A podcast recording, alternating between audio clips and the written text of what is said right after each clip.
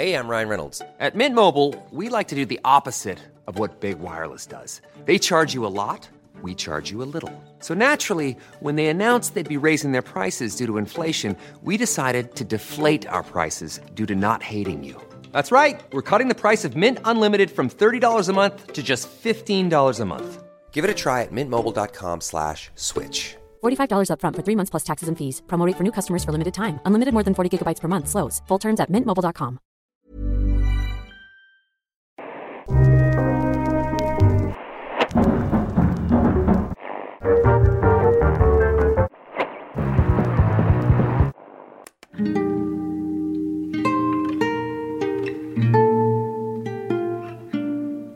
First of all, we must bear in mind that everything that is happening to the player is also happening to the spectator. But whereas in the theatre the spectator is only a voyeur, in sport he is also one of the actors.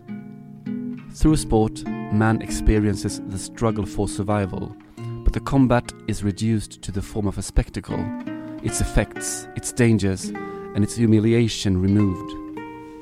It has lost its harmfulness, but not its spectacular appeal or its significance. What is sport? Sport replies with another question which is the best? Sport gives new meaning to the question of the ancient duels, for here man's superiority is measured only in relationship to things. Which man is best able to overcome the resistance of things, the immobility of nature? Which is the best able to harness the world and give it to man, to all mankind? This is what sport stands for. Hej Johanna Frändén. Svulstigt. Mm. Eh, Roland Barthes, eh, vår favoritsemiotiker, teckentolkare, eh, som vet allt eller visste allt om hur betydelser uppstår i världen. Skrev sådär Mm. när han skrev om, eh, om sport och om fotboll specifikt. Vad fint att han skrev det på så uttalad brittisk engelska. Det var, var jag helt omedveten om att han... Ja, jag försöker vara lite, pub- lite publik här. Fast, fast inte för publik samtidigt. Det är liksom den här förbannelsen som vi i Fotboll Radical, Football Radical hamnar i att, att läsa på originalspråk hade varit lite för jobbigt kände jag. Men samtidigt vill man inte läsa på svenska. Nej, nej, framförallt så är det ju... Alltså, jag har ju, har ju mina det, reservationer för den här, liksom, den, den nya svenska trenden att alla ska prata brittisk engelska. Mm. Men jag ännu mer eh, så har jag ju svårt för amerikansk engelska när det handlar om fotboll. Det här vi diskuterat tidigare. Jag kan, det går inte att lyssna på när jänkare ska kommentera fotboll. Det känns fel. Och då har jag ganska ofta kontakt med en jättelegitim liksom jänkare. Alltså du vet så här latinobakgrund från Paraguay. Eh, men det låter inte klokt när han liksom ska kommentera dagsaktualiteter i eh, Premier League då framförallt. Mycket, det var mycket framförallt när Miguel Almiron gick till Newcastle som känns också väldigt icke California om du förstår vad jag menar. Ja, alltså, som oja. klubb och som transfer och så. Så vilken engelska är det du fördrar egentligen? Är det liksom någon sorts pigeon english eller vad ska vi på? Om, om den brittiska och Erasmus engelska är borta. Erasmus English, okej. Nej, nej jag, tycker, nej, jag tycker det är jättefint att vi håller fast vid brittiskan i fotbollssammanhang. Jag tycker den har sin absoluta plats här. Kanske lite mer cockney då om, vi, Mm. om jag får önska. Men det får bli nästa vecka. Ja, det får bli nästa vecka. Min cockney är inte så stark måste jag säga. Nej, inte min heller, tyvärr. Eh, faktiskt. Started like going, I think I can do this, I don't think I can do this, and she would have heard it all. And then she popped out, so I put on a brave face. But the second time I went out on a balcony and got on my hands and knees and cried. Eh, nej, sen eh, saken med Bart är att allt han har skrivit är inte översatt till svenska heller, så att det är väl också ett, ett grundproblem. Jag ber om ursäkt för det. Men, nej, det eh, så där skrev han i alla fall om sport. Och varför, eh, in, innan vi går in på att eh, referera våra göromål i veckan som gått och så, så vill jag ta avstamp i det där. Han skriver ju om vad fotboll är för någonting och den frågan kom till mig igen när internet vältes över ända här i veckan. Två gånger om på, jag tror det var ungefär på ett dygn. Mhm. Eh, du som agerar där ute på Twitter har ju säkert sett bilderna först och främst av Daverson i Copa Libertadores-finalen. Eh, Nej. där det här, det är ju Vigges gamle kompis, eh, Victor Nilsson Lindelöfs lagkompis från tiden i Benficas B-lag spelade de ihop tror jag. Eh, som nu då eh, avgjorde Copa Libertadores-finalen för Palmeiras mot Flamengo. Mm. Eh, med sitt 2-1 mål i förlängningen.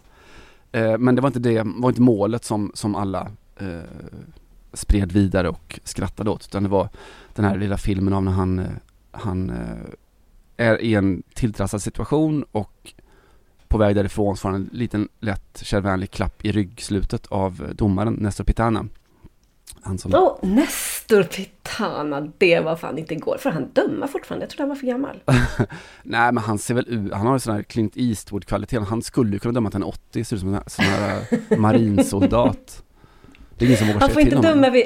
Alltså han får inte... Alltså hans sista VM tror jag i alla fall var 2018. Men, men okej, gud vad, vad jag har saknat honom. Dömde Mm. Sverige då va, tror jag. För mig att han dömde Mexiko-matchen. Ja, kanske. Han är fotbollsmatchen. 46 år. Det är ingen ålder på en häst. Nej. Det vill jag verkligen... dömde han ju faktiskt. Han dömde VM-finalen 2018. Ja, oh Där ja, har oh vi ja. det. Mm. Eh, nej, jag vill starkt, starkt säga att 46 är inget skäl att räkna bort honom. Nej, nej Mm. just det. Du har helt rätt. Eh, nej men det han gör är att han, han kastar sig till marken då. Eh, för, Mm. för att han ser inte att det är domaren som, som klappar honom lite snett. Han tror att det är någon, någon motståndare.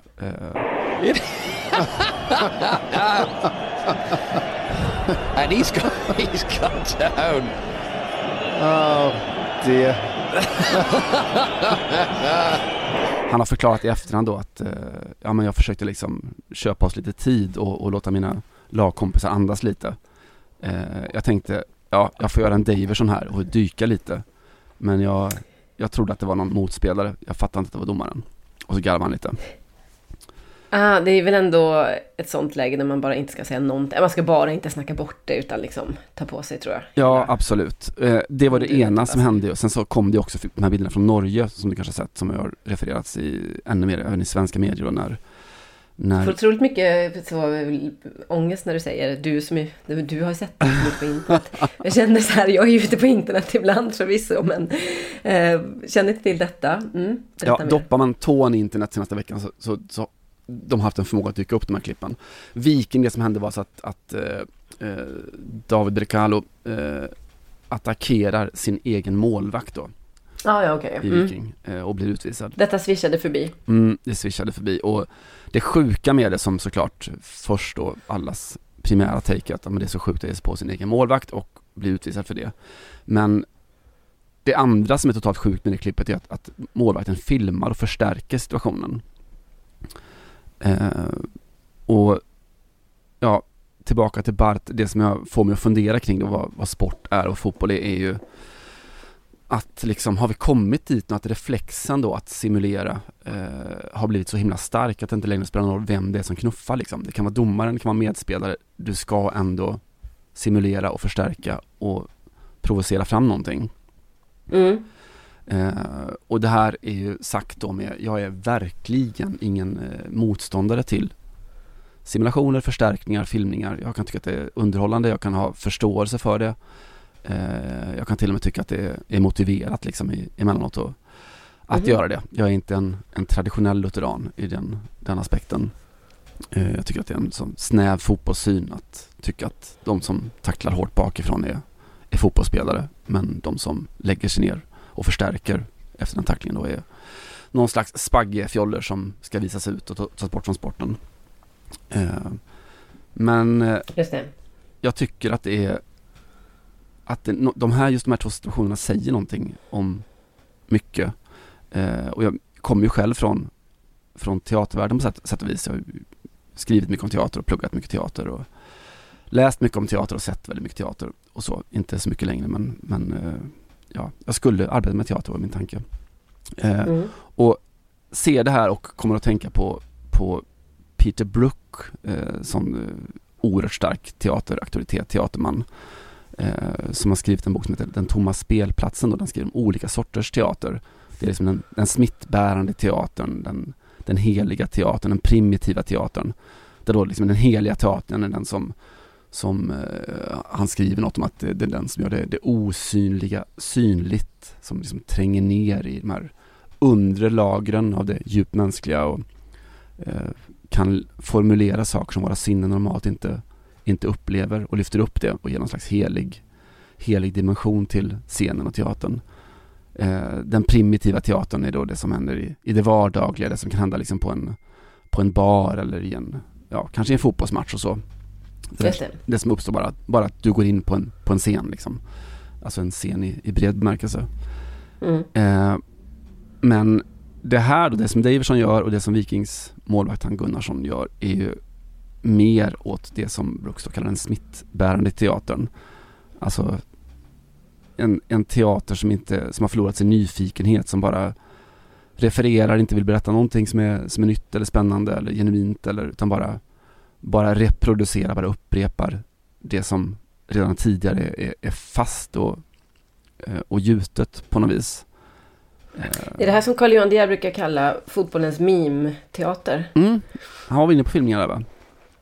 Mm, precis, men kanske inte, precis som en del av det. Men Mm. också det här att man, ja precis, man eh, väldigt mycket överdriver alla gester även när man klagar hos domaren eller så för att det, det måste, man måste visa med hela kroppen Mm. vad som händer och vad man tycker. Eh, vilket, bara, vilket man egentligen bara gör på teatern annars. Och, och framförallt inom mimteatern där man inte har någon röst. Och det är ju lite samma sak med fotbollen. Man har ju en röst förvisso, men du, har du kan ju inte kommunicera med publiken ofta så är det alldeles för hög. Ja, du kan ju Mm. inte skrika så att de hör liksom. Inte vokalt i Så alla att det fall. blir, nej, så det blir liksom den eh, effekten då, ett sorts överdrivet meme. Och att det är en, en del av eh, charmen. Om man kommer in, han kommer ju verkligen in från teatervärlden in i, i fotbollen.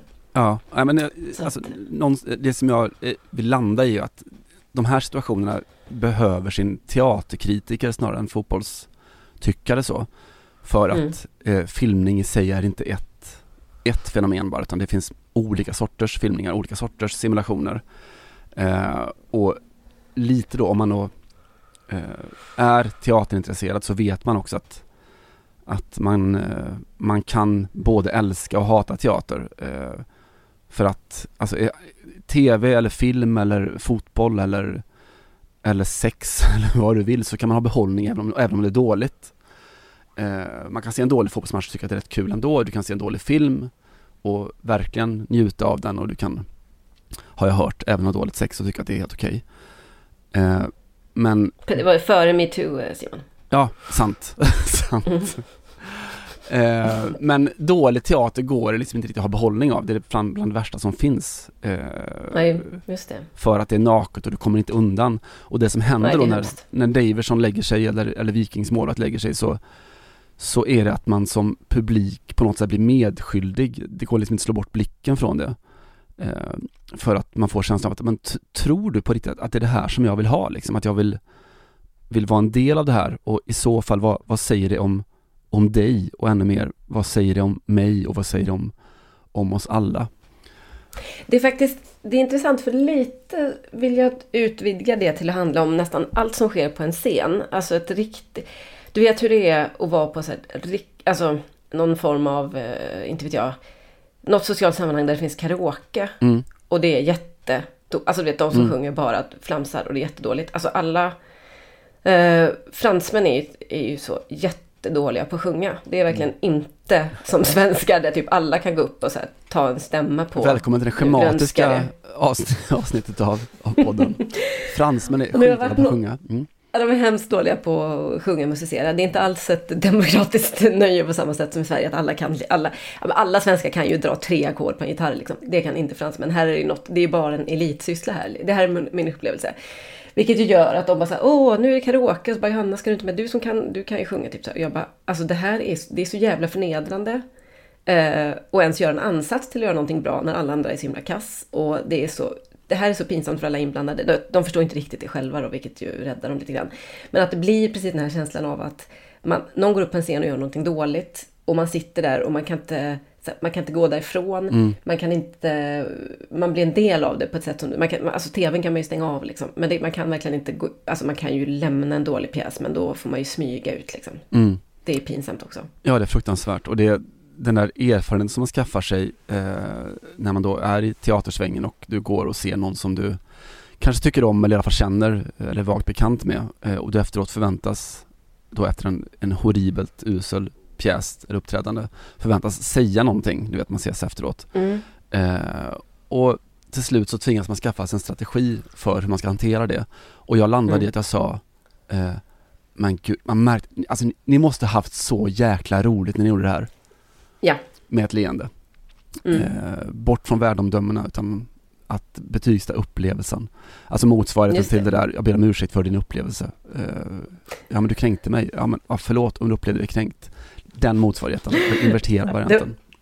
Det var faktiskt någon som skrev, vad lustigt, det var någon som skrev i veckan eller förra veckan på Twitter. eh, Det var, kan det ha varit Johan Hilton eller Victor Malm? Ja men någon i alla fall som eh, kulturrecensent eller kritiker som skrev just det att det vidrigaste kritik man kan få för en bok är ju eh, det märks att hen hade roligt när hen skrev den.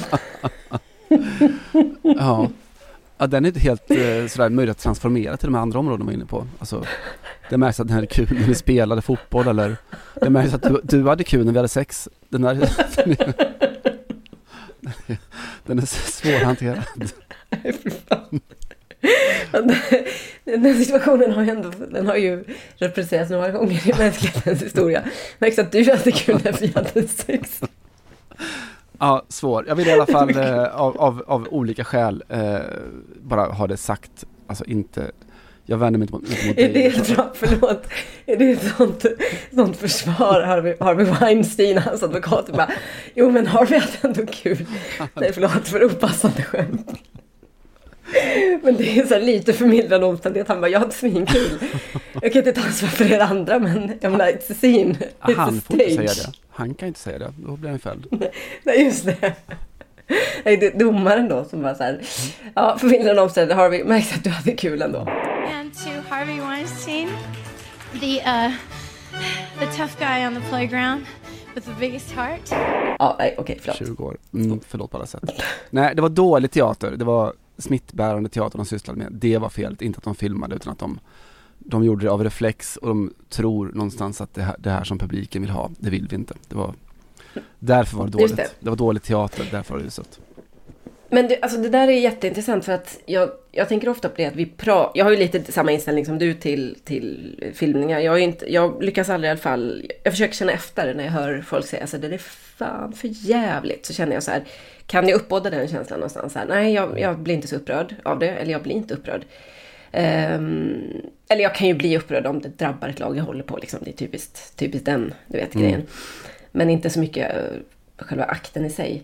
Men eh, trots det så, ja, vi är, trots att filmningar är så pass närvarande i fotbollen så pratar vi liksom aldrig om det som något annat än ett eh, problem. Vi pratar ju aldrig om att någon är bra på att filma, vilket ju faktiskt alldeles oavsett är alldeles oavsett hur man ser på det, är en stor fördel liksom, inom fotbollen. Och en, någon form av skådespelartalang såklart. Eh, och att, alltså den, den liksom debatten eller den diskursen, eller vad fan du vill, finns inte riktigt. Fast vi kanske borde eh, rent konkret, liksom, eller rent pragmatiskt, eh, både kanske hylla och träna på det. Om du förstår vad jag menar. Jag förstår Alltså precis fotbollen ser ut som den gör, lite så.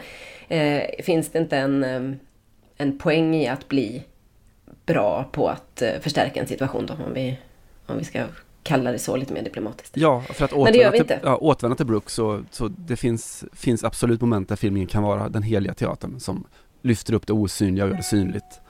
Eh, och laddar det med mening på något vis. Det är fullt möjligt att tänka sig det att ja, Eh, du visar upp för alltså, dem, de inte har sett. Let's talk about sex, det är ju verkligen, det är ju inte så att filmningar inte finns i, Va? där så att säga. Va? This is brand new information. När hon säger så här, det märks att du hade roligt Simon, och du bara så här, ja men du då, då kan det ha varit en filmning. Ja, o okay. bara, vi lämnar det där. Okej, okay. mm. men, men tack. Fotbollny, radikal. Du, annars då? Vad, mm det Ja, har varit nej, en, det en, matig kul. vecka ju.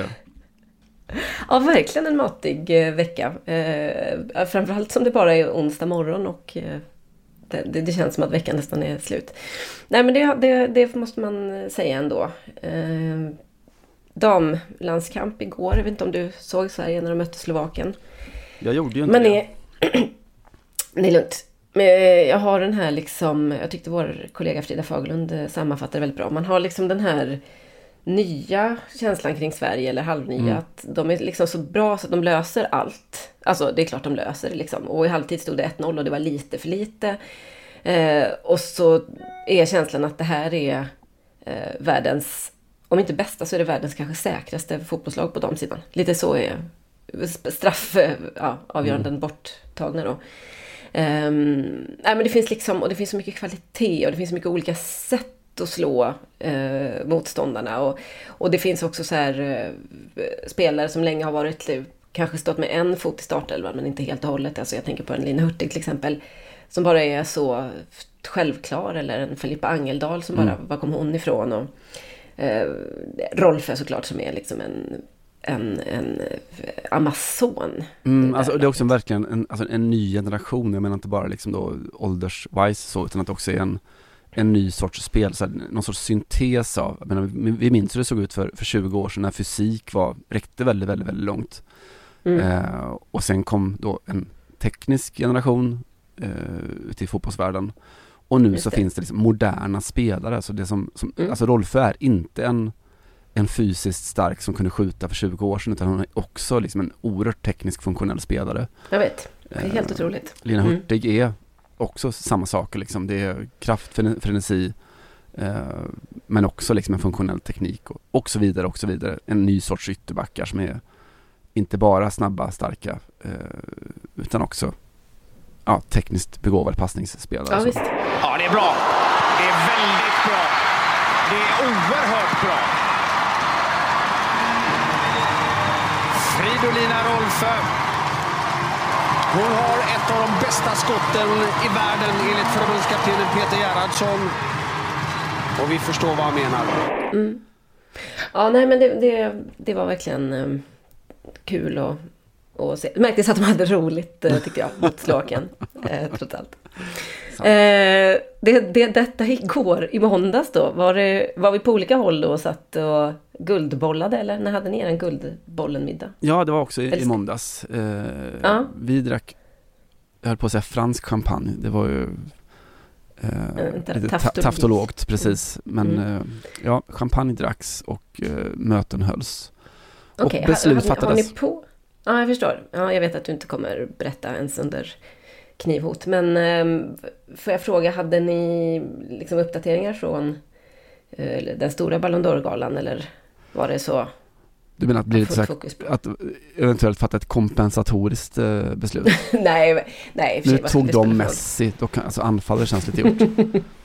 eh, nej, det, det hade vi faktiskt inte. Vi, Men det var väl en slump att det sammanföll? Så brukar det inte vara, vad jag vet. Nej, det sammanföll ju dessutom med, med eh, näst sista omgången i Allsvenskan, vissa matcher. Eh, Ja, så det var, Mm. det var det ganska full bevakning och målrapporter Ja, från. det förstår jag. Mm.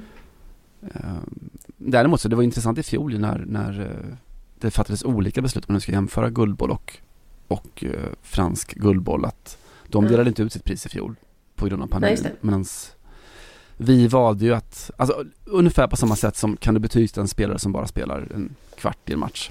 Ja, det tycker jag att man kan. För att har du en kvart så ska du göra det bästa du kan med din kvart. Då kan vi faktiskt säga att, om ett in- inhopp är bra eller dåligt. Eh, på Det samma var sätt ju... ja, jag håller med om det. Det är, det är ganska mycket konspiration här om att det var så att säga eh, order direkt från högsta ort, typ regeringen till fransk fotboll. Liksom. För att Frankrike var ju en av få ligor som inte återupptogs under Mm. eh, sommaren där. Och att man då skulle stå liksom stark i det här beslutet, i detta politiskt ganska laddade beslut, genom att då från fransk fotbolls sida vara solidarisk och inte dela ut en guldboll. Mhm. Eh, Jag har, hört, jag har hört sämre sådana dark web-teorier. Hört bättre också i och för sig. Men det, det är klart det skulle kunna finnas en...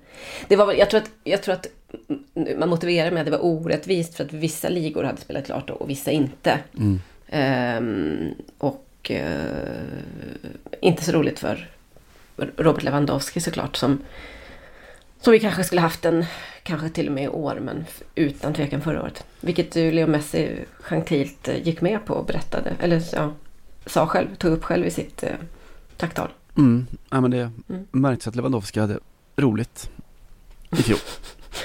I fjol, ja, exakt. Mm. Men eh, det var, det var ändå, vad ska man säga, det är ju rätt kul med de där galorna. Man kommer inte så nära egentligen för oftast får man sitta i ett pressrum som det var nu och sen så kommer vinnarna förbi då och så är det en presskonferens och sådär. Och det, man kan ju följa allt och sådär. Man är både nära och inte på något sätt. Men det, det är ju lite fint att se, alltså framförallt är det roligt att se hur uppklädda alla är. Mm. Alltså det är ju faktiskt lite roligt. Alltså och wagsen är så jävla stylade. Mm. Det är så himla mycket, jag tycker de förtjänar så mycket en, en sån kväll.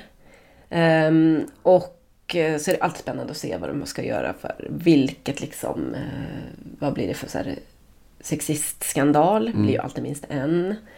Ehm, vem kommer vara sur på sociala medier efteråt? Ja men det var ju typ Karim Benzema som typ så publicerade en bild på sig själv där det stod att han blev fyra och han blev fyra omröstningar och så bara så hade han så en jätteenkelt meme också hade han typ korsat över det och skrivit en etta bredvid. Man bara okej. Ser, jag ut som Sven Nylander?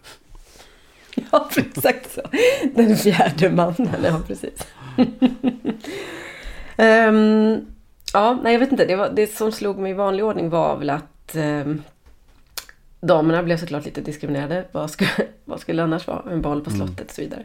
Men att eh, de ändå liksom intagit scenen så pass mycket och att vinnarna är så satans säkra på damsidan. Alltså Alexia Putellas som vann, som ju var stor favorit, hon var liksom så... Ja, det var så perfekt. Det var inte ett svindlande tal på något sätt. Men det var ändå en, ett perfekt framträdande och genomtänkt och snyggt. Och du vet, lite på spanska, lite på katalanska. Direkt satte hon liksom um, allt fokus på laget. Alltså du vet sådär som, eh, som det, när det blir så tydligt på att det är nästan som två olika sporter på något sätt. Eh, damfotboll, herrfotboll, beroende, alltså med tanke på hur man, hur man pratar om sina framgångar. Det var ju samma med, med Ada Hegerberg när hon vann så var hon ju liksom omgiven av sina Lyon eh, kollegor och lagkamrater. Det var, det var väldigt fint liksom. Det är väldigt, det är, det är väldigt fint när det är sådana dominanta lag som kommer. Och nu, och nu var det så få damer där eftersom de hade lagt den här, vi pratade om det förra veckan var det väl, de la ju den här galan på under uppehållet. Men eh, Joan Laporta hade chartrat dit sina tjejer från deras landslagsläger som var i Sevilla eller ja, någonstans. Eh, och de var fem stycken och det var väldigt, eh, nej det var en genuin glädje och ett väldigt eh, fint framförande. Och sen får man ju säga att, vad fasen, Leo Messi har ju blivit jättebra också på att prata. Det tog mm. 20 år i rampljuset liksom. Det var inte så att han... Det är ju lite mer imponerande med någon som går från så noll, alltså ingen vet vem det är och så bara håller hon ett sånt helt blixtrande, eller gör ett blixtrande framträdande. Men jag tyckte ändå han, ja han har fått ordning på saker och ting. Messi. Kände väl också att eh, det kanske var sista gången. Ja, men det är, man blir lite glad faktiskt varje gång man ser Messi i intervjusituationer och sådär nu för att man ser att han har att ridån har fallit, den som att det har funnits mellan honom och, och den andra finns inte riktigt längre. Es muy difícil esto para mí, después de, de tantos años de hacer toda mi vida acá. Eh, no, estaba, no estaba preparado. Nej. Även om han är snart kanske är slut som artist så är han ju också slut som autist, vilket ju är... Sant. Förlåt alla, alla med diagnoser. Vi, det är ett tvångsmässigt skämt vi måste köra. Mm. Det är det sin, Eh, sin egen i- diagnos. Exakt, det är det verkligen. Det är den OCD-diagnosen som jag har. Eh, vår kollega Gregory Schneider som är Liberations fotbollspenna skrev så här om eh, valet av Leo Messi. Eh, Liberation som är en vänstertidning och eh, det går liksom igenom i hela bevakningen. Men jag tyckte att det var en, det var en intressant reflektion i alla fall. Eh, kortfattat kan man säga att det var fel att ge priset till Messi i år. Varför det? För att det var ett sånt år eh, där laget har varit så överlägset eh, individerna inom fotbollen.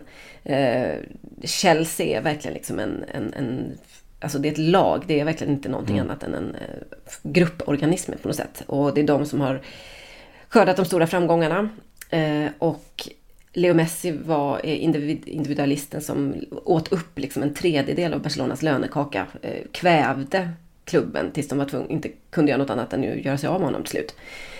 Och att det inte borde ha premierats som ett år som Hey everyone, I've been on the go recently Phoenix, Kansas City, Chicago. If you're like me and have a home but aren't always at home, you have an Airbnb. Hosting your home or a spare room is a very practical side hustle. If you live in a big game town, you can Airbnb your place for fans to stay in. Your home might be worth more than you think. Find out how much at airbnb.com/slash host. Detta. Kannibalen, Lionel Messi. Ja, det, det äger ju sin riktighet även om Messi sen var redo att gå ner i, till halva lönen och bla bla bla. Så stämmer det ju att han, att eh, det, han, han är ju en del, alltså, han är ju roten till problemet ganska så mycket. Uh, han är ganska mycket roten till Barcelonas Mm. alla problem just nu om vi ska vara helt uh, ärliga. Även om de förstås har en egen agens. Men uh, ja, jag vet inte, jag tyckte det var lite tänkvärt i alla fall. I alla fall uppfriskande ju. Alltså gud vad det, det perspektivet också behövs någonstans. Alltså, Mm. Eftersom det, det är liksom, ja ursäkta men kapitalismens logiska slutpunkt, en man står kvar. Eh, kannibalen som äter upp allt annat eh, belönas med att, ja, det finaste priset som finns. Mm. Eh, Ja, det är ju lite det. Det är inte bara okomplicerat så att säga. Nej, verkligen ej. Mm. Eh, Simon, vi mässade ju lite i veckan eh, i liksom stor eh, glädje. Vi hade roligt som man brukar säga då. över Bayern Münchens, eh, vad säger man, generalstämma, inte, vad heter, bolagsstämma. Årsstämma, det, är, det är en medlemsförening så jag vet man säger, alltså, Ah. Ja, årsmöte tror jag funkar. Årsmöte säger man, ja just det. Mm. Ehm, där det blev mer eller mindre upplopp. Eh, Vi kan väl lyssna på hur det lät först och främst.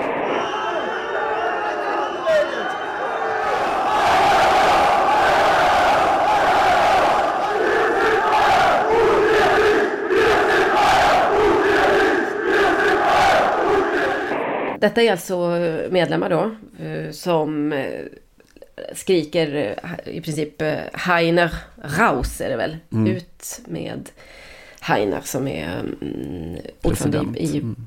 ja, Bayern München. Och som satt då på, om ni tänker er ett, ett långbord längst fram på, på scenen och filmade halvbra. Eh, med bland annat eh, Oliver Kahn som är sportdirektör, eller direktör bara i klubben. V- VD. Bredvid sig. Ja, VD, där har du. Tack. Eh, und so weiter. Eh, vad handlar det här om då? Jo, det handlar ju om Qatar va? Och eh, det faktum att från medlemshåll så hade man skickat in en motion om att diskutera eller avbryta eh, eller sa- sponsorsamarbetet med Qatar Mm, ska, Airways. man vara korrekt och det var viktigt för dem att de vill inte avbryta, de vill inte förlänga det, det går ut 2023. Mm, just det. Eh, så. Precis. Ja, det, vi, ska vara, så vi ska vara så precisa vi kan i den här podden. Du har helt rätt. Precis, och det hade då...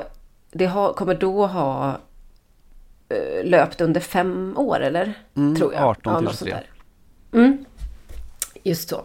Eh, och eh, från eh, stämmans sida då, eller årsmötets sida, eller vad ska man säga, ordförandeklubbans sida, så menar man att det här är inte en medlemsfråga. Och vi har fått ett domstolsbeslut på en, en, en bayersk domstol som då har, har sagt sitt i ärendet och eh, menar att eh, detta behöver inte, eller ska inte vara en medlemsfråga. Det, det ska inte tas upp på, på mötet. Eh, fyll i gärna Simon, för jag vet att du är ännu mer... Ja, det, det är så. Jag, jag pratade inför stämman med då han som är motionförfattare han som har drivit på det här mest av alla, som heter en, en eh, juridikstudent, eh, lite, lite pejorativt kanske. Han, eh, ja, han, han praktiserar ju- juridik, eller håller på att utbilda sig till att bli färdig internationell jurist då. Eh, Jag tror att det heter juridikstudent. Mm. Pe, pe, pe, pejorativt eller inte. Ja, ja okej, is. han är det. Men det, det är inte så att han går på universitetet och pluggar lite, lite juridik så, utan han, han är snart färdig internationell eh, jurist liksom. Eh, på hyfsat hög nivå, där han blir.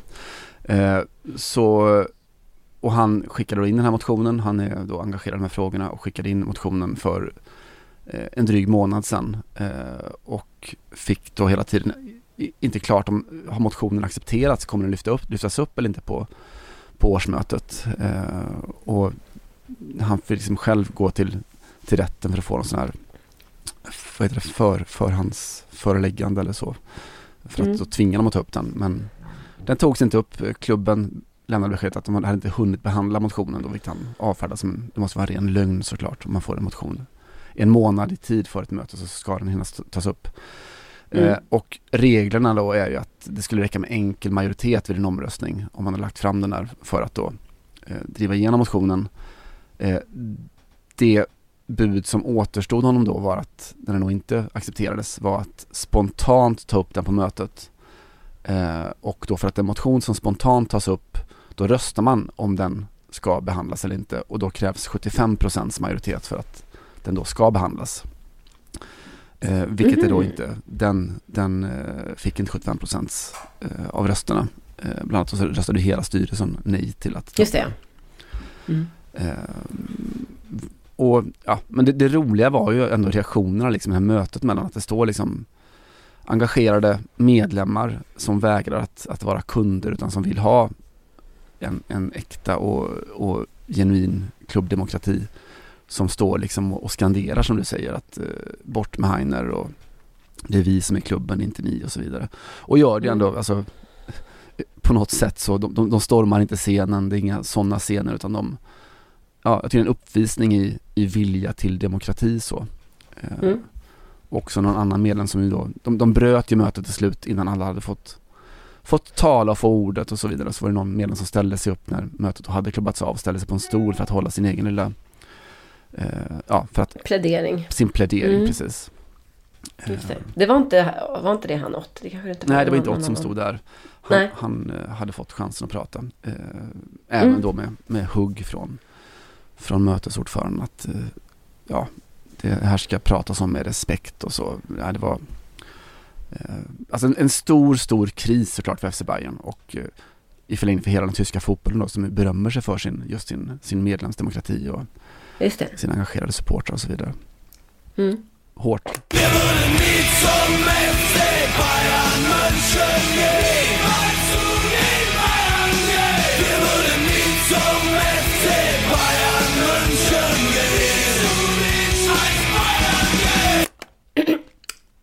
Det som slog mig när jag såg det här utöver allt annat då, att det var en ganska sund reaktion och eh, ett, det kändes liksom som att debatten fick vitaliserades i alla fall lite grann när de åtminstone kan, när man åtminstone kan få som medlem se beslutsfattarna i ögonen och tala om att vi vill ha bort er. Alltså i, Mm. på, precis som du säger, på ganska civiliserat sätt, även om det var upprört.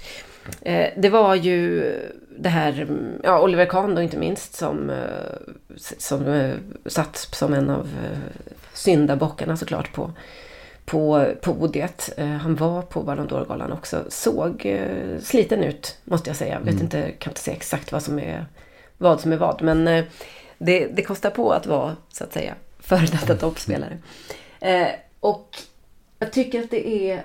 Bör, jag börjar skönja ett mönster och detta förstärktes i veckan när Olof Lund kom hem från Qatar med sina med sitt eh, intervjumaterial där. Och, Såg han också eh, sliten ut menar du? Nej, han ser aldrig sliten ut. Han är fan jämt taggad. Han har alltid roligt, Olof. Eh, nej, men du såg när han pratade med eh, Peter Schmeichel såklart. Mm. Och eh, frågade om eh, den här eh, ja, inställningen och han, hur han ser på Qatar, det politiska läget så. Vet inte, vi slog ju fast här inledningsvis i podden att det är svårt att läsa grejer på originalspråk. Vi kan inte kräva att folk kanske kan franska. Eh, danska är, har jag ju väldigt svårt för, men vi, vi måste ändå lyssna lite för att Olof Lund som den skåningen här satte ju såklart intervjun på danska. Det har stået på altid. Og det skal handle om fodbold. Øh, der er mange, mange, mange andre niveauer af det her, den her debat, som aldrig bliver taget op. Men når det handler om fodbold, så bliver den altid taget op. Ja, det är kort sagt så kan man ju säga att Schmeichel liksom är lite sådär oj, fast det här ska ju handla om fotboll och det finns massa andra nivåer men jag kan bara bry mig om fotbollen och det enda Mm. jag vet något om är fotbollen och bla bla bla sådär. Ehm, han pratade med Samuel Eto'o också som sa någonting åt samma håll. Eh, ja, det, det, det är liksom nej men jag är här för att vara ambassadör för fotbollen i Qatar. Mm. För VM och inte för alla de döda. Lite så. Ehm, och det är intressant för att det är eh, så otroligt yrvakna reaktioner på den här eh, frågan. Eh, vi kan ju nämna i sammanhanget David Beckham då som får 1,8 miljarder för att vara en ambassadör för Qatar. Och inte bara tror jag fotbolls-VM utan liksom lite mer landet i stort sådär. Mm. För det skulle sträcka sig under 10 år som jag förstod det, hans kontrakt. Ehm, det här är ju några av eh, 90-talets och 00-talets absolut största fotbollsnamn. Och det är slående hur, vilka jävla boomers de är. Mm. Det är väl det jag vill eh, liksom landa i. Att det, det finns nästan inga, ehm, vad ska man säga, arter inom fotbollsfaunan som är så dåliga på den här frågan som före detta fotbollsspelare. De är, he- de är helt offside om jag får hålla på och tönta mig och Mm. sådär som Mm. folk som inte kan fotboll ska Bara du har roligt. när de pratar, när de pratar med henne. Ja, exakt.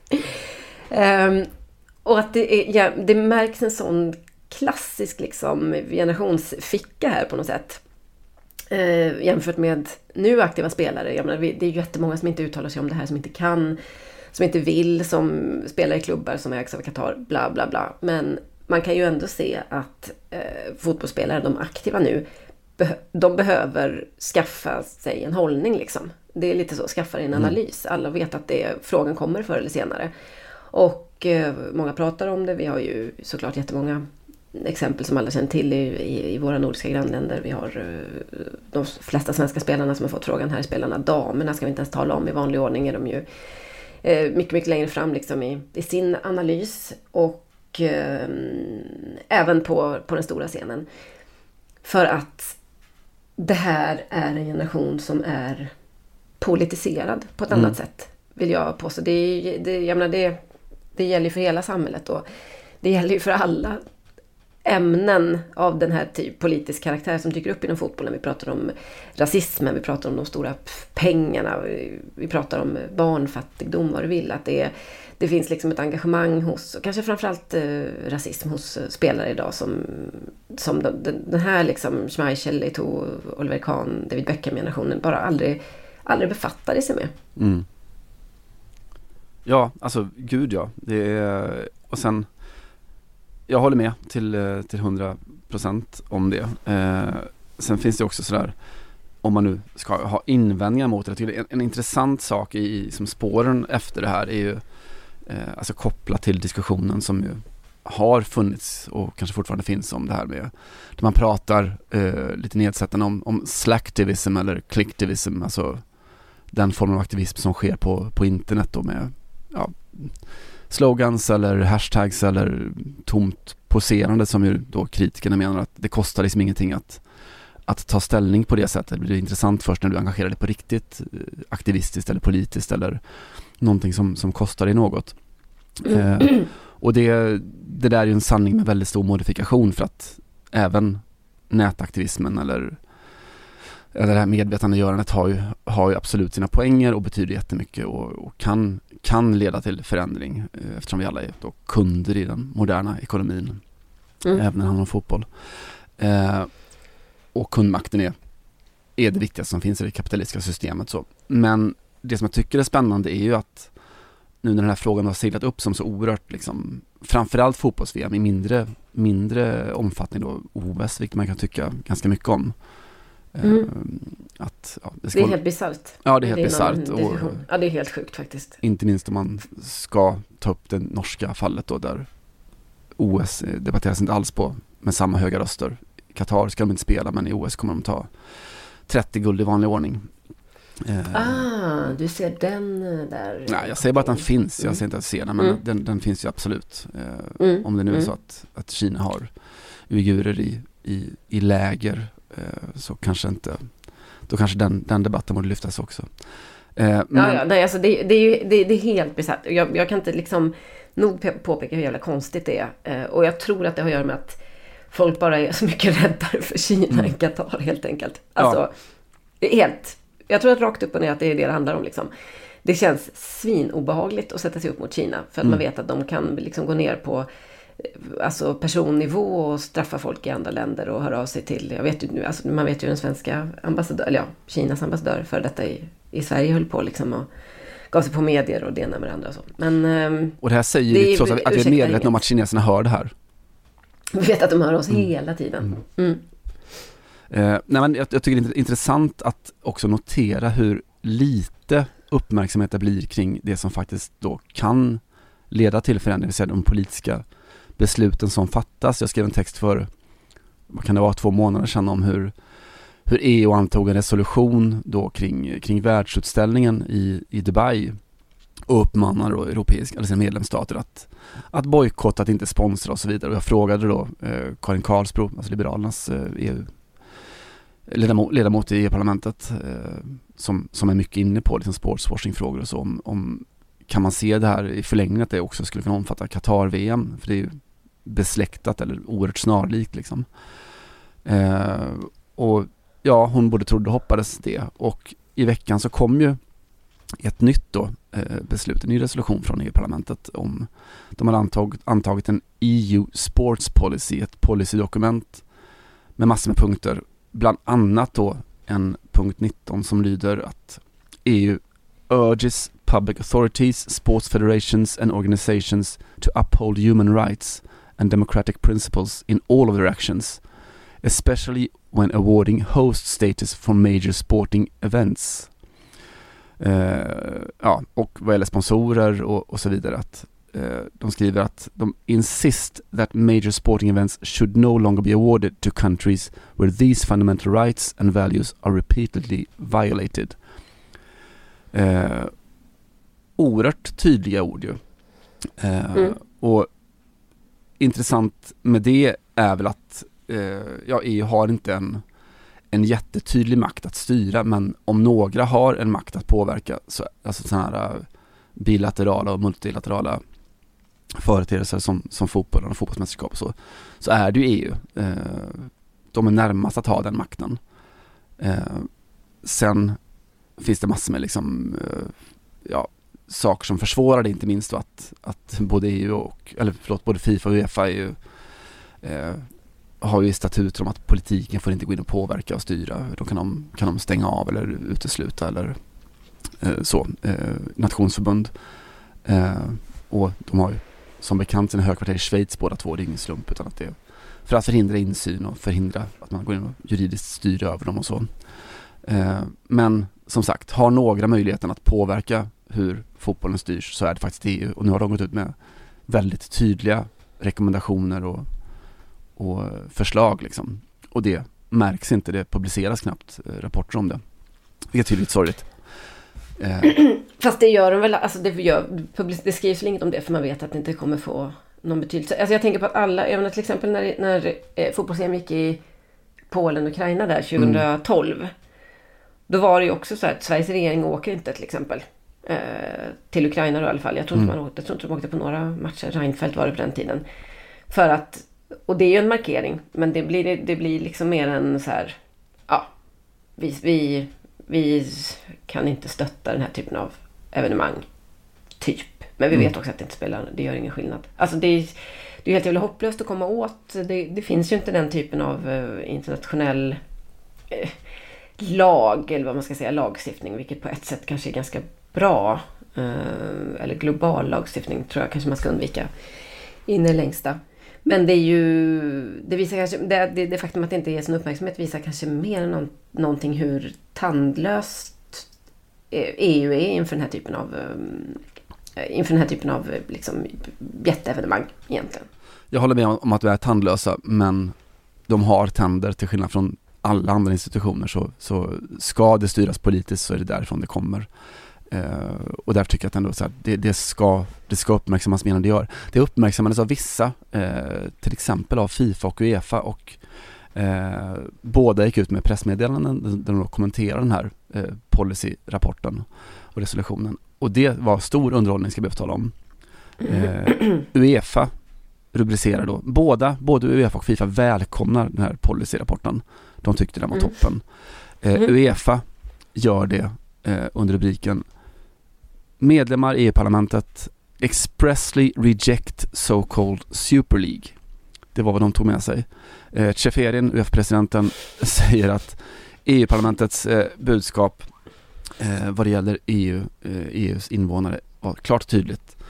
Att Europa och européerna eh, motsätter sig fundamentalt breakaway projects like the failed European Super League that threatens the values of European sport. Det var alltså det som de såg som det viktigaste, det vill säga det som passar dem alldeles utmärkt. Att, eh, Det var deras läsning av den här resolutionen. de skrev inte en rad om formuleringen kring var mästerskap ska hållas.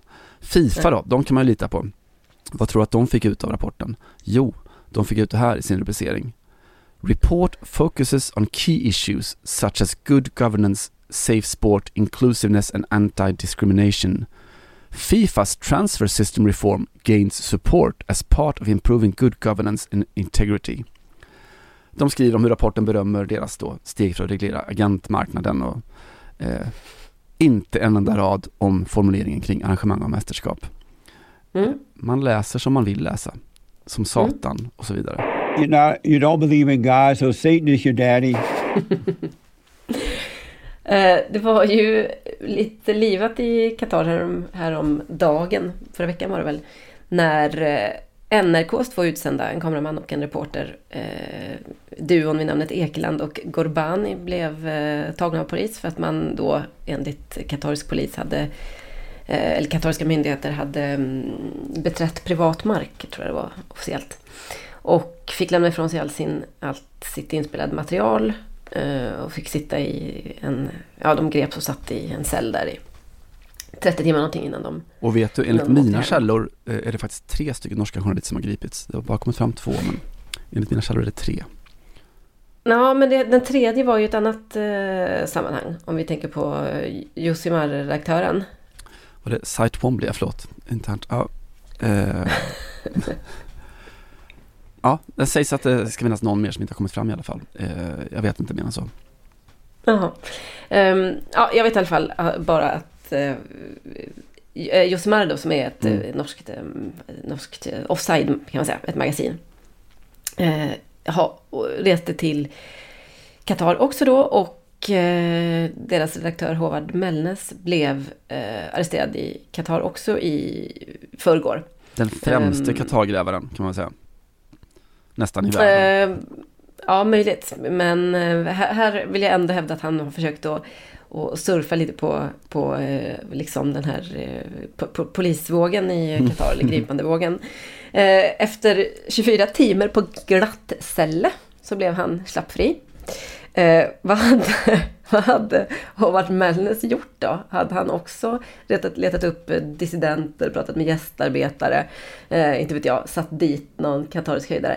Nej, detta hände. Jag var, eh, jag var på väg ut av ett hotell då jag såg en gott vuxen man skälla ut två unga hotellansatte som bar kofferten hans. Jag bad ham om att ta det lite med ro. Det ändte med en lite verbalt munhuggeri, berättar Mellnes. Plötsligt ropte mannen på politiet och en halv minut senare satt jag i en politibil, påfört handjärn. Eh, så att, eh, men högt ärade Mellnes har då så att säga kommer inte riktigt fram som den så, tryckfrihetshjälte som man kan hoppas på utan han har åkt fast för att han har munhuggits lite med en hotellchef. I och för sig då för, ställt sig på den svagare partens sida så det ska han ju ha. Det, var, eh, det är mer någon, att sån där, säga. någon scen ur Sun i Qatar, där Sunes pappa blir fängslad. Alltså, alltså det, så, det här är ju typ filmen, vad fan hette den här? Det var ju en norsk film för en 20 år sedan. Me- me- El, Mel, Melling, nej vad fan heter han? Ah, ett, ett, ett, du vet en norsk tönt liksom. En sån där lit, en, ja men ett norsk, en norsk Apropå man. traftologier, ja. Nej, exakt. Elling, heter det inte så? Ja, just det, Elling, det låter det Ja. absolut. Lite så, det är lite så Elling åker till fjällen, åker till Qatar och blir gripen för munhuggeri. Ja, jag vet inte, till och med VG som intervjuar honom lackar lite och säger så här. Tyckte du inte att, att gripandet och äh, arresteringen av NKs journalister eh, samt det faktum att myndigheter i Qatar antagligen vet vem du är, borde du inte ha undgått den här typen av situation, eller jag borde inte ha undvikit det. I eftertid är det klart att det hade varit det klokaste, säger Mellnes till VG. Ja, man tycker om det. Ja, Eh, Hur ser straff, straffskalan för munhuggeri ut i Qatar? Veta. Han hade, han hade roligt. Han är så jävla kul. Svinnöjd med att få sitta liksom 24 timmar. Tänker jag kan komma hem och berätta om det här och så bara uppdagas det att det var, det var kanske inte riktigt samma nobla syfte. Även om man såklart ska få munhuggas med hotellchefer, herregud. Jag, jag Ja. säger inget om det. Det ska man ha diplom för generellt. Eh, ja, jag vet inte, jag tyckte det var en otroligt, alltså för mer än någonting annat, otroligt konstig timing av Qatar. Alltså de, är de lite smarta nu? Mm. De har lagt ti- tio år på att liksom tvätta sitt varumärke och så gör de en sån här tabbe. Tar två, inte munhuggeri kan man väl leva med då kanske, men att de ändå griper två journalister som de vet kommer från ett land där debatten är, går hög om Qatar eh, VM och ge- ger dem det försprånget i debatten på något sätt. Ja, Det ja, blir men- så otroligt mycket lättare att, att argumentera för att det här är en skitidé att spela liksom fotboll i Qatar. När de blir liksom, ja, av, ehm, inte avlyssnade men de blir av, av, avtvingade på sitt eh, inspelade material och, och det ena med det andra. Ja, det får de tänka på fabeln om, vad är det, skorpionen och grod, grodan va? Som, Är det något om vem som kommer först i mål? Nej, det kan ja, jag bra inte. nära, nej men de ska väl, Mm. skorpionen ska väl över och vill, vill eh, s- rida över på grodans rygg och lovar att jag kommer inte att, att hugga dig. Ja, just det. För då, gör han drunknar, det. då, då drunknar vi båda och han gör det ändå. Ja, just det, så- men varför gjorde det? Nu kommer vi båda dö. För att jag är en skorpion, det ligger i min natur. De kunde inte hålla sig, lite som Daversson eller Gunnarsson i Viking. De eh, gjorde det av reflex. Mm. Munhuggeri, Ja, han ska bort. Mm. så är det med den saken. Så är det med den saken. Ibland, ibland, ganska ofta faktiskt, så eh, drabbas jag av den här eh, känslan att man... Inte, det är inte så att jag vill kanske hjälpa Qatar eller vill hjälpa stora organisationer som blir liksom kritiskt granskade av medier. Men jag känner att man hade kunnat tillföra ganska mycket eh, som journalist för att berätta vilka situationer de ska undvika och vilken typ av eh, ja, uttalanden de ska göra och sådär. Eh, det gäller inte minst Fifa och Uefa, att man ändå skulle kunna så... Eh, de, de, det är inte svinbra människor som de har på sina, som sina liksom, propaganda... Mm. Eh, ska man säga, rådgivare. Det finns säkert pengar att göra för det Johanna, där, tror jag. Det är det jag ska göra om jag nu ska bojkotta Qatar. Åka dit och eh, så att säga ställa mig på den andra sidan. Qatar-konsulta lite. Qatar-konsulta. Ja, hade du varit eh, Oh well. ja, född 68 istället för eh, 81 så kanske du kunde göra det. Mm. Mm. Då hade du varit där. Som en Schmeichel eller Eto'o eller så. Ja. Med Ja, visst. mediekunskaper. Nej, det var intressant. Och jag, eh, för att sådär på ett annat plan avfärda Peter Schmeichel och alla de här som, som kör med att det bara är, det bara är fotboll. Den, den är ju alltid intressant att tänka sig hur de kan tro rimligen att det de har gjort sina förmögenheter på är att spela fotboll.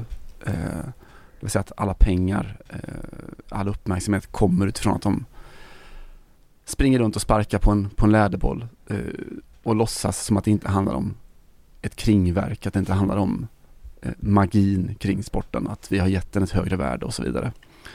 Just det. Men det, där har det, alltså det är verkligen de jag känner med någonting annat. Så där, jag, det är inte så att jag är jättesugen på egentligen äta ur Peter Schmeichels hand. Men jag känner att så här, det kriar nästan i fingrarna för att man skulle bara vilja sätta, en- sätta ner honom i en timme och bara så här, okej, det här måste du svara på den här Mm. frågan. Liksom. Alltså allt är Mm. bättre än det där svamlet. Säg då, jag tror på dialog. Säg jag tror på att Qatar liksom behöver öppnas upp och eh, ju mer människor träffas. Säg något jätteklyschigt. Till och med det är ganska liksom, B, men det kommer ändå kunna Alltså det är ändå bättre än att in, låtsas som att det regnar. För det, det gör aldrig Qatar. Badabum. Ja, ja, säg att de, har, att de har kul i Qatar i alla fall. Exakt. Eh, Eller vad som. Ja, den sortens vecka var det. Eh, Ja. Vad tar oss Ska vi vidare? stänga den? Ja, jag Ja. vi gör väl det. Det knackas på studiodörren, mest därför tror jag. Ja, det gör det. Jag förstår. Jag vill inte bli här, Eh. förd härifrån i handfängsel. Munhuggeri. Jag har inget munhuggeri i mig just nu på onsdag morgon. Nej, du har inte det. Det är inte, det är inte den Simon vi känner. Eh, jag eh, funderade lite häromdagen Simon på om vi går fram lite hårt. Om vi exploaterar olyckliga individer i våran podd ibland. Alltså i känsliga tillfällen i livet. Mm. Vi har ju, vi har ju liksom eh, både snuttifierat och och eh, vad ska man säga, realityfierat eh, skilsmä eller skilsmässan blev det ju inte då men eh, otrohetsaffären mellan eh, Vanda och Mauri Cardi till exempel. Mm. Eh, på ett sätt som man kanske kan känna att ah, borde de inte få ha det för sig själva. Eh, jag landar ändå konstant i det faktum att hänger man ut allt detta på sina sociala medier så får man leva med det på något sätt.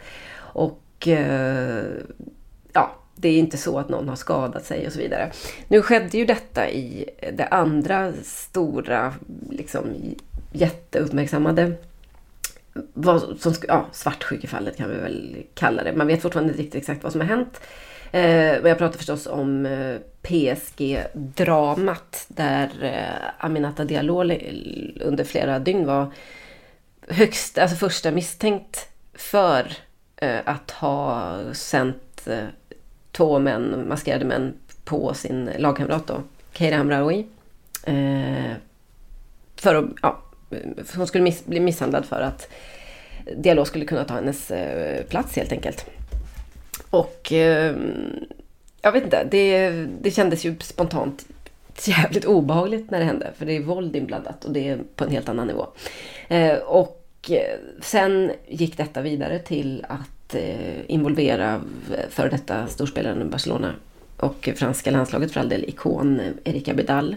Eh, där har vi skrivit om också, inga konstigheter. Eh, att han, och det beror, beroende på vilken media man följer så har det kommit fram lite olika typer av detaljer i detta. Fran, fransk media har faktiskt varit lite mer restriktiv. Spansk media har ju dragit på liksom och kallat det här ett otroligt otrohetsdrama och att Abidal ska ha haft, ha haft en affär med Hamraoui eh, under tiden då de ja, hon, spelade i Barcelona eh, tidigare och han var eh, sportdirektör där ett tag.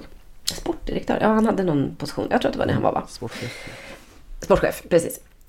Um, och det här kändes ju lite snaskigt och lite, um, ja, vad ska man säga om det? Det, det? det kändes inte riktigt bra, kanske framförallt inte för henne. Men teorin var ju i alla fall att uh, Erika Bidals fru, då Hayeta Bidal, skulle ligga bakom den här beställningen. Eh, det vet vi fortfarande ingenting om och nu har det varit lite tyst där på, på det här området i, i någon vecka i alla fall. Eh, hon nekar ju eh, till detta, inte formellt för jag, tror, jag vet inte om hon har blivit hörd än, men på sociala medier och så. Men hon har begärt skilsmässa från Abidal, det var i alla fall den senaste nyheten. Och återigen så tycker jag man kan ta upp det här för att det har spelats upp inför, inför öppen ridå. Eh, hon har skrivit om svek, hur många gånger hon har blivit sviken. Till slut så man förlåter och man förlåter och förlåter. Och sen bryr man Till slut bryr man sig inte längre. Man vill bara gå vidare med sitt liv och släppa allt och så vidare. Eh, Erika Bidal eh, publicerade då en uppdatering, jag måste skratta lite för den var så jävla tramsig. På Instagram också i eh, förra veckan någon gång. Där han bad sin fru då, Hayat Abidal om ursäkt. Förlåt mig. Hayat Abidal. Ehm, jag förtjänar den här liksom, förnedringen. Även om den dödar mig levande eh, så förtjänar jag det. Vad som än händer är du kvinnan i mitt liv. Du är mamman till våra två fantastiska barn. Och jag hoppas att en dag att du ska ta mig tillbaka och så vidare. Ehm, det här gör man inte, den här typen av utspel gör man inte ostraffat i tider av sociala medier. Så ett geni på Twitter som kallar sig Anis plockade upp den här eh, texten på Instagram och skrev följande. Jag har just läst eh, Erika Bidals meddelande på, som han har skrivit för att få tillbaka sin kvinna. Jag har aldrig hört något mer R&B eh, någonsin. Eh, jag var tvungen såklart att se om jag kunde göra någonting eh, instrumentellt av det. Och sen har han alltså tonsatt eh, Erika Vidals, ja, förlåt mig, post och eh, jag håller med om att den låter ganska R&B och jag tycker att den kan få ta oss härifrån den här veckan. Och så får ni döma oss allt ni vill för att vi grottar ner oss i de här detaljerna. Cry as a river. Exakt så. Vi hörs nästa vecka. Ha det kul! Tjingeling! Ha det kul!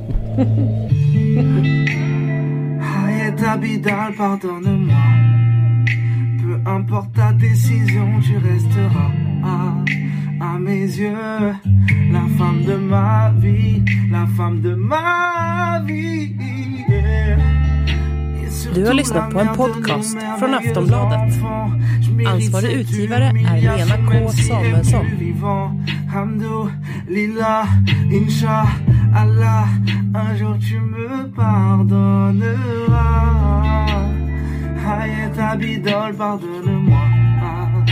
Peu importe ta décision, tu resteras à, mes yeux. La femme de ma vie, la femme de ma vie. Yeah.